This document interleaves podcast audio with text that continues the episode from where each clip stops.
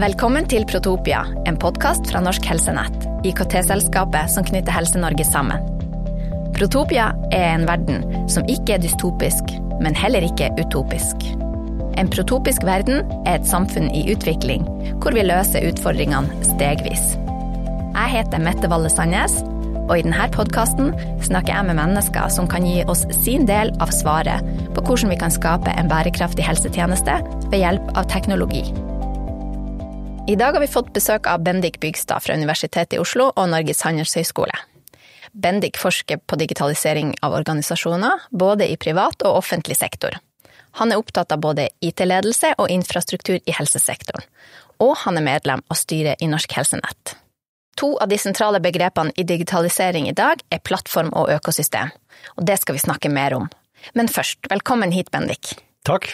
Kan jeg kalle deg for digitaliseringsprofessor? Det kan du gjerne.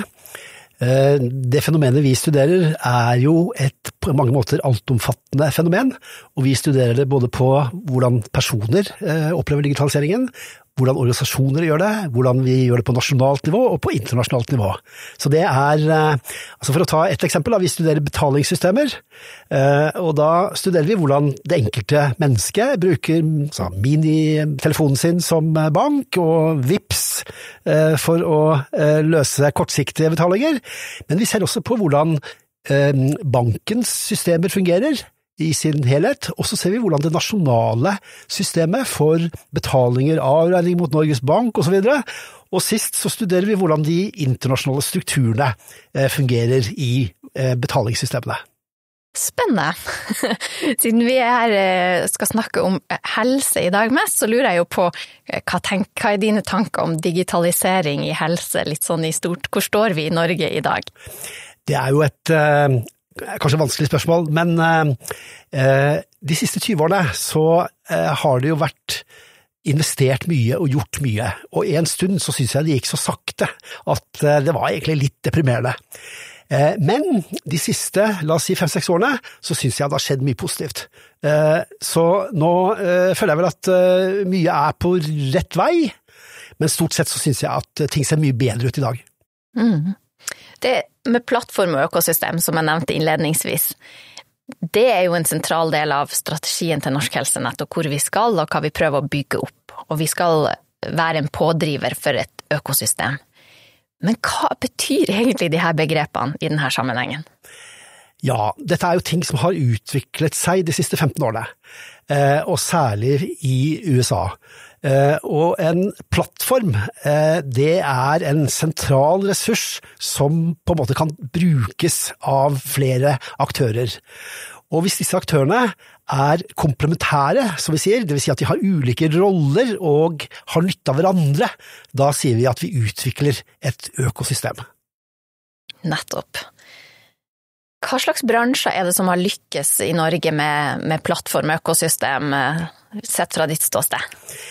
Eh, de tidligste bransjene til å utvikle plattformer, det var flybransjen og bankbransjen. Flybransjen laget Amadeus, som altså er det sentrale europeiske plattformen, eh, på 80-tallet, og bankene laget BBS på 80-tallet også. Og dette var veldig forutseende, fordi at hvis man fikk et sentralt punkt for datautvekslingen, i et voksende økosystem, så var det veldig lett å utvide det videre.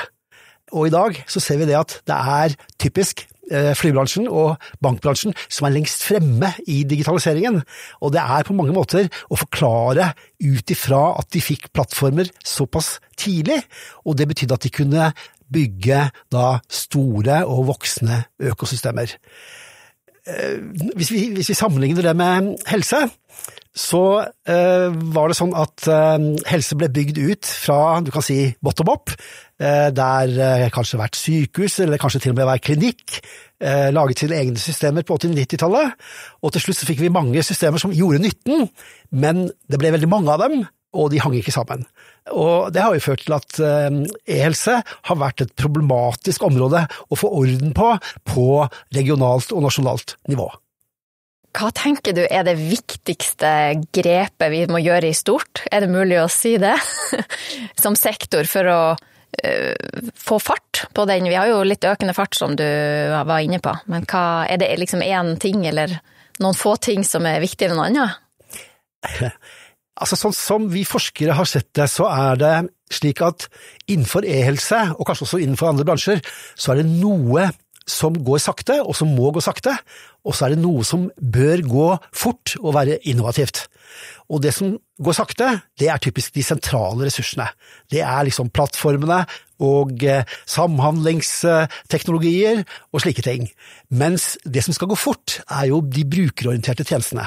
Og de må gå fort fordi at brukerbehov de endrer seg over tid. Etter hvert som det kommer ny teknologi og nye behov, så må man være i stand til å tilfredsstille brukerbehov relativt fort. Og i helse så har det vært sånn at man har hatt store enkeltsystemer, og det betyr at man har liksom ikke hatt noen mulighet for å dele opp i det som skal gå sakte og det som skal gå fort.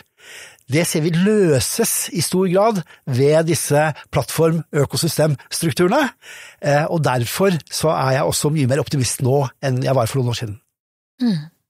Vi har jo ei helsenæring i Norge, eh, men vi er samtidig et lite land. Er det marked for aktører for å lage eh, løsninger for det norske markedet? Eh, det har jo vist seg at vi har en voksende økologi av små, innovative firmaer som lager gode e-helseløsninger. Noe av problemet der har jo vært at det har vært vanskelig for dem å komme inn. Eh, man kan ikke bare ringe til direktøren og si at jeg har en ny app, og, kan, komme, kan, jeg komme og vise deg den? Det går ikke. Sånn at eh, det har vært tungt å utvikle denne næringen i Norge.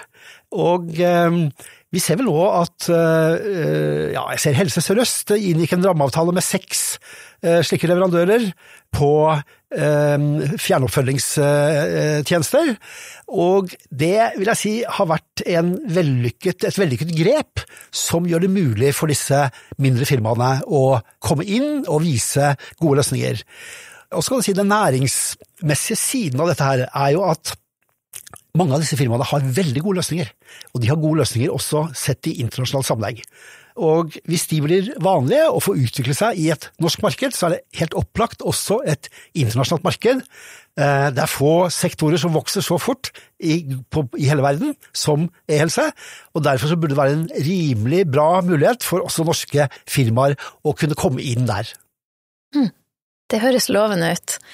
Ser du noen hindringer som er, står i veien for å få fart på utviklinga av løsninger og økosystem i stort? Jeg vil jo si det at i Norge så har vi starten av et nasjonalt økosystem, men vi har ikke et fungerende nasjonalt økosystem i dag. Så det er mange hindringer, eh, og eh, noen av dem er at eh, det sentrale apparatet bruker for lang tid på å planlegge og gjennomføre, og, og, og kanskje spesielt å, å utrede. Vi bruker årevis på å tenke oss om, når vi heller burde bygge gradvis. Så det er, eh, det vil jeg si er kanskje den største utfordringen. Og det er at vårt institusjonelle system, altså inkludert KS-ordninger og, og, det hele, er på en måte i en verden som vi nå nesten er i ferd med å forlate. Men det henger igjen. Det andre er jo at eh, løsningene som på en måte tilbys klinikere, og tilbys også publikum, er foreløpig for dårlige. Og det er et veldig stort innovasjonspotensial for å skape mye bedre løsninger. Og eh, dette vil også ta litt tid, men eh, jeg tenker vel at eh, der er vi på vei. Mm. Kjerkol sier jo at de store prosjekters tid er over. Det hører jeg og leser stadig oftere at blir trukket frem. Og vi i Norsk Helsenett jobber jo også med en stegvis utvikling og snur oss mot en mer stegvis leveranse av tjenester. Og podkasten vår heter jo Protopia, som handler om en gradvis utvikling av, eh, av samfunnet og en gradvis eh, og stegvis forbedring.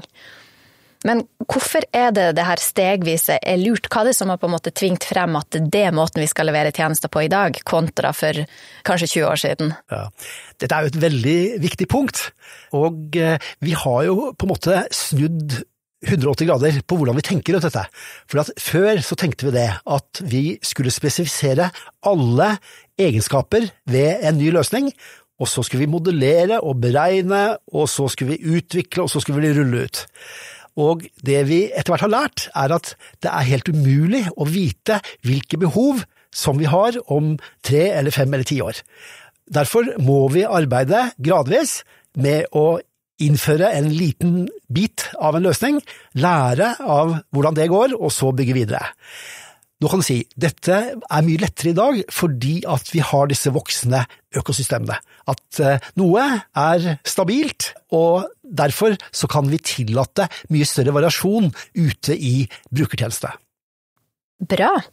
Eh, vi, vi, har jo tatt på oss rollen som en, eh, som en, pådriver, vi i Norsk Helsenett, som et statsforetak. Så vi representerer jo litt eieren vår, som er Helse- og omsorgsdepartementet. Og vi ønsker jo å få fart på det økosystemet òg.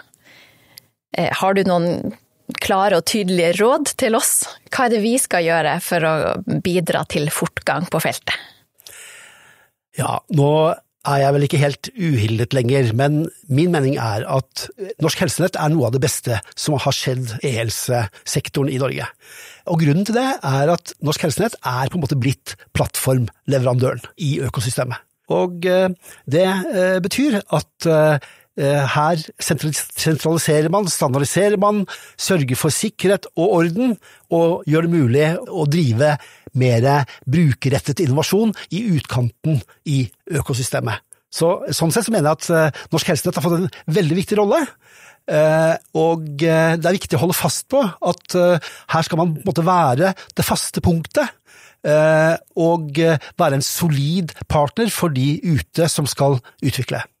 Jeg hører jo og leser at du er opptatt av at vi får til en god rollefordeling mellom offentlige og private aktører. Og ut ifra det du sier nå, så tenker jeg at vi er på rett vei.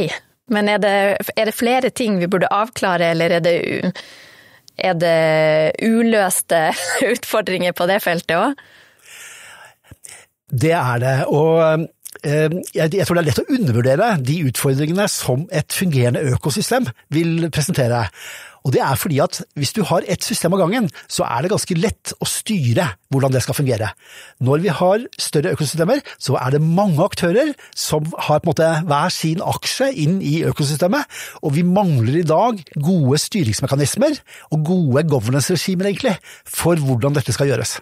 Ja, må det løses juridisk, tror du, eller er det bare en del av det? Det må sikkert også løses juridisk, men, eh, men, det å utvikle også gode styringsformer er en del av det å utvikle et godt økosystem. Det er ikke bare teknologi, det er også masse mennesker her som på en måte skal samarbeide. Vi tar utfordringa, vet ikke. en av tjenestene vi, eh, vi, drifter og utvikler i, i, Norsk Helsenett, er jo Helse Norge. Og det har du omtalt som et, et velfungerende økosystem. Mm. Hva er det som har gjort at vi har fått til det? Det, eh, det som er flott med Helse-Norge, er jo at her fikk vi til, til, sist en eh, app, en eh, veldig, app som er veldig enkel å bruke, som hele befolkningen kan bruke for å få tilgang til viktige helse, helseopplysninger. Og Det som var fint, var at den begynte på en enkel måte med ganske få eh, tjenester, og så viste det seg at her kunne man bygge ut flere, og man kunne bygge ut det så raskt eh, som vi så under pandemien. Og jeg synes at den måten som den appen fungerer på i samhandling med andre systemer, f.eks. da e-resept, at e-resept fungerer på en måte i bakgrunnen, men jeg kan gå inn på appen og, og se på reseptene mine på en enkel måte. Har du eksempler på andre løsninger innen helsesektoren som du mener har vært vellykka, og som vi kan lære av? Eh, eh, altså Norsk helsesektor er jo på en måte preget av løsninger som er gammeldagse. Det er gammeldagse grensesnitt, det er gammeldagse systemer, og de har på mange måter levd for lenge i sektoren.